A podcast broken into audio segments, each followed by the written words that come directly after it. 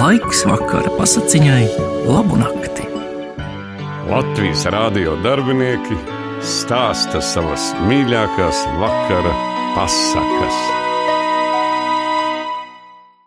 Šovakar pasaku maratona izskaņā vācu tautas pasaku, kā zemnieks taisnību meklē lasīs maestro Raimons Pauls. Labvakar! Reiz dzīvoja pasaulē bagāts un varens grāfs. Viņa pils stāvēja kalnu galā aiz augstiem mūriem, ar torņiem visos stūros. Pili apņēma dziļš grāvis, līdz malām pilns ar ūdeni. Grāfs bija negants un stūrgalvīgs. Mani mans kambari ir pilni un pilni zelta, un mana pils ir staltākā par visām pilīm mūsu karaļvalstī, grāfs mēdza sacīt.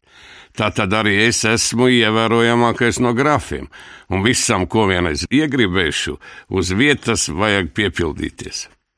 Kādu dienu grāfs, jādams aplūkot savus īpašumus, nomaļā piekalnē ieraudzīja nelielu lauku sētu. Kuplā zaļumā slēpās maza zemnieka mājiņa ar lopu kūti, šķūni un aku. Mājiņa nav slikta, grāfs noteica, un ar savu straujo zirgu pieauļoja pie pašas dzīvojamās ēkas, kur viņu durvīs sagaidīja saimnieks. Paklau, grāfs viņu uzrunāja. Vai tu man nepārdos savu saimniecību? Tā man iepatikās.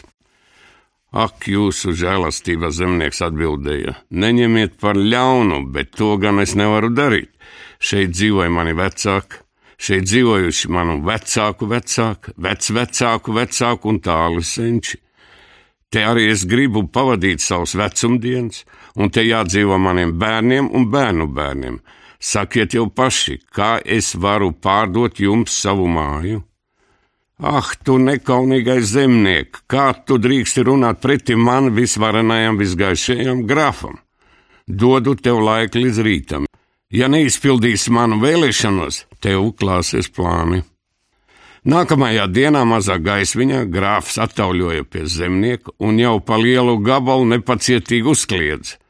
Nu, auna galva, vai esi apdomājies, vai pārdosi man māju? Zemnieks pieklājīgi palocījās un sacīja: Es jau vakar atbildēju jūsu žēlastību. Šī māja nav pārdodama. Nav pārdodama, grāfs iesmējās, nu tad zini, ka es to dabūšu par velti. Un nikni pātagodam zirgu, pilnos lēkšos drāzās pie tiesnešiem, stāsties savu vajadzību. Tas ir tīrais sīkums, sacīja tiesneši. To mēs viens divi nokārtosim. Atziņoja zemnieku un ņemsies iebaidīt. Ko tad tu nejāgi tā spītējies? Grāfs tev piedāvā naudu, bet tu atteikties. Pielūko, Dod piekrišanu, iekams nav par vēlu. Nu, sakiet jau paši tiesneši, kas esat mācīti cilvēki, kā es varu mūsu māju pārdot?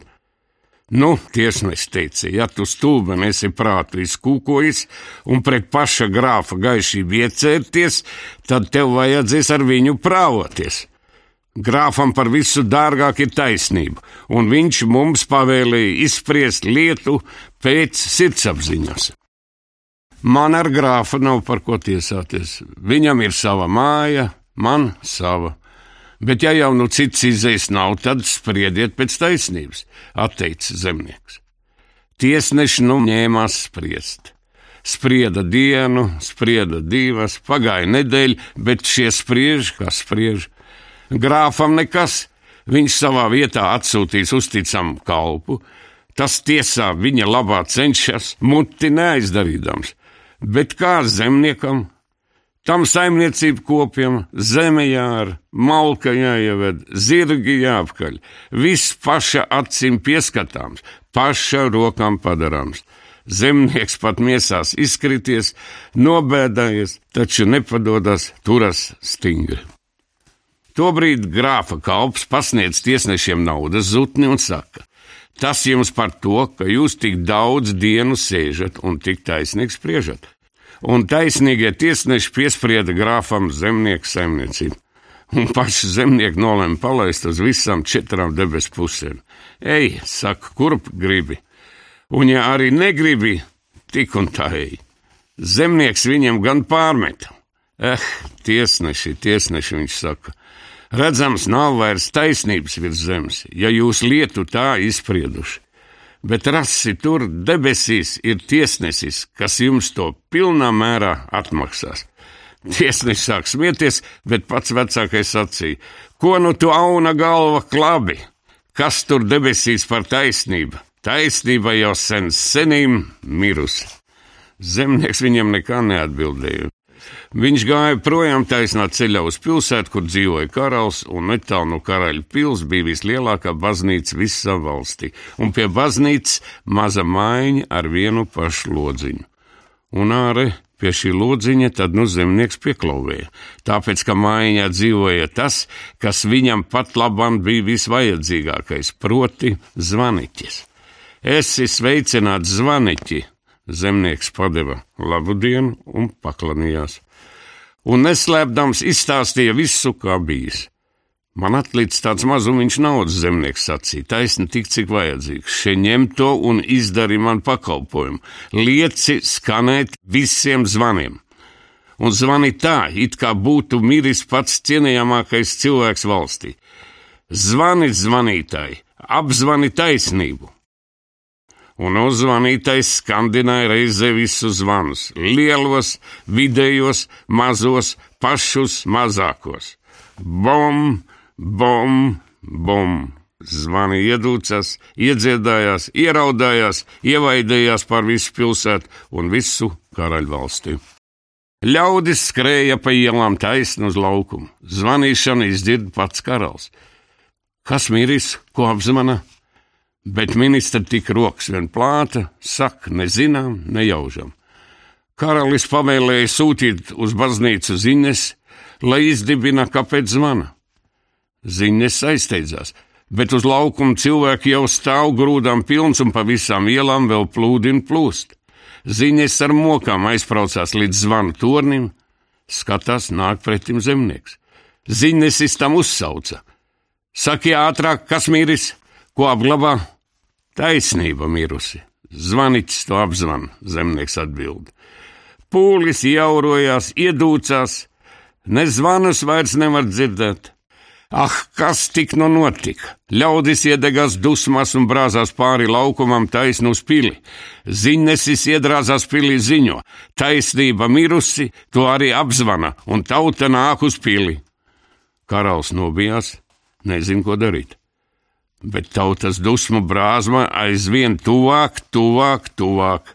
Ministri metās aizvērt logus, aizbultēt durvis, bet galvenais ministrs bija gudrāks un teica: Te jūsu majestāte nevar ne ieslēgties, ne nobultēties, un darāms ir tikai viens, ko izvēlēties nav.